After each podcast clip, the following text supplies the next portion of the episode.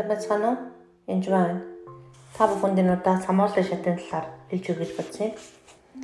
Тэгэхээр бид нэр дөнгөж итгэж болж байх үед энэ шат бас байдаг ба. Ялангуяа энэ хэрс чинь бурууч юм уу? Иш явж болохгүй, бурхан бурууштэй гэх юм уу? Иесус чинь худалдаач гэх юм уу? Тийм самруулах гэж оролдог тийм хэсэг байгаа. Тэгээд энэ шатыг давцсны дараа хүртэл нэгэн бурхантай ойрцсон ойр алхаж байгаа гэж бодож байгаа хүмүүс төр бас энэ шат дахин гарч ирдэг байгаа.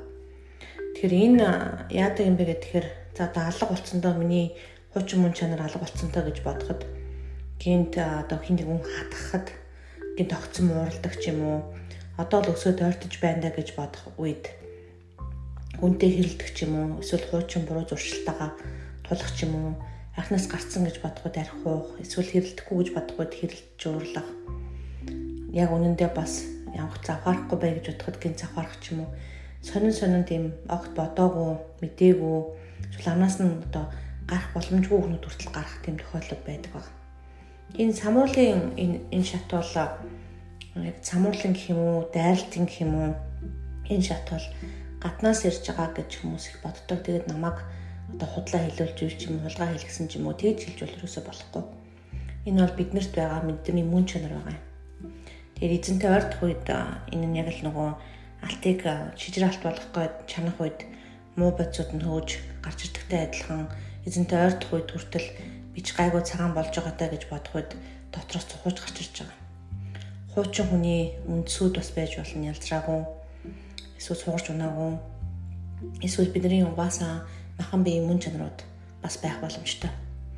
Тэгээ энэ үед бол та сэтгэлээр унаж болохгүй иш чаавстаа энэ ч гэдэг юм өөрийгөө бурдгаж ерөөсө болохгүй. Тийм алдаа гаргах юм бол тахны ээлжин шууд бурхантай хандах хэрэгтэй. Нөхцөл байдлаас ч юм уу эсвэл одоо гэдгийг ихтэй нөхөр хоёр хэрэлдэхгүй тун сайн байж яснаа. Нилээн ойртод ирдэг. Тэгээ би дайрал дутахгүй шүү болгоомжтой байгаа гэж сануулдаг л да. Тэгээд хилээд дуусаагүй 7 хоногийн дараа ч юм уу нэг хэдхэн өдрийн дараа чимагчи унтсан шүү гэдээ ярьж орж ирдэг. Яасан гэсэн чинь яа ханахгүй таны хэлсэн болоод тэгээ яажсэн ч уурлахгүй гэж утсан ч уурлаад ууралж болох уу болно гэдэг нь ууралж болно шүү дээ буруу юмд. А гэтэл нөгөө гим нүгэл уурлавч гим нүгэл бүүл дээрээ гэхээр нөгөө хүнийг гутаанд оромжлоод ч юм уу янз янз болсон байж бас болно. Ингээд нөхнөртэйгээ хэрэлдлээ эсвэл хамт ажилладаг хүнтэйгээ хэрэлдлээ ч гэх юм уу. Ийм зан чанарууд гарч ирдэг байгаа. Тэрэнд бити санаа зовроо энэ бол бидний туулдаг зам байгаа. Ялангуяа юм цэвэршүүлтийн процесс буюу яг одоо ариусгалын процесс явагдаж байгаа үед болвол бидний байсан хуучин одоо хүний өхөөгүй хүний ч юм уу тэр замууд гарч ирдэг байгаа. Энэ үед та эзэн рүү улам ойртох ёстой. Аа тэгээд харин ч миний жинхэнэ мөндөнд чанар чи юм гачин муухай амтан байсан биш үү дээ.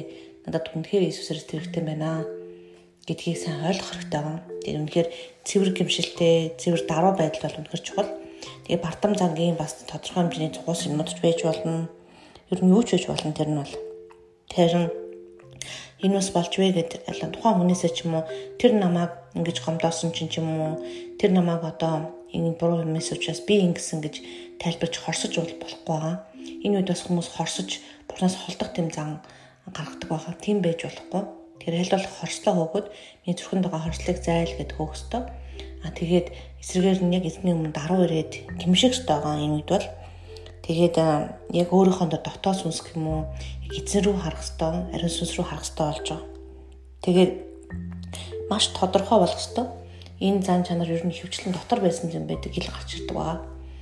Аа гин тогтсон урууд ч юм уу тэр нуугдсан байсан мэдээлэл гарч ирж байгаа бол харин эзэн талархаад энэ тэр юунаас болсон бэ гэдгийг олоод тэгээд хөөцөвлөх хэрэгтэй байгаа.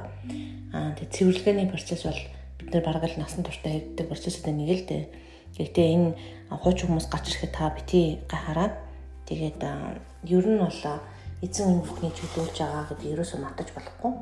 Эзэн хариуцлагын процессыг өөрөө хийдэг гэдэг ерөөсөө бас мартаж болохгүй шүү. Тэгээд та бүхэнд би дуулал намаас уншиж өгье гэж бодсон. За.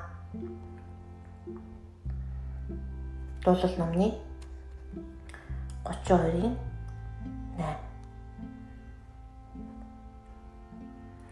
Би явах ёстой замд чинь зааварлан зааж өгнө. Нүд минь чамаа ширтган чамд зөвлөнө. Тэр эзэн бидний явах ёстой замд минь бүр заавал зааж өгдөг бөгөөд нүд нь Бурхны нүд намааг ширтэн чам зөвлөнө. Тэгэхээр надад зөвлөх бид нар зөвлөх болно шүү энэ үед. Та тэгээд эзнээс зөвлөгөө аваарай. Танд баяр хүргэе энэ шатанд хүрсэн болвол яг бол таныг Бурхан хариуцж байгааг та мэдлээ гэсэн үг. Баяр таа.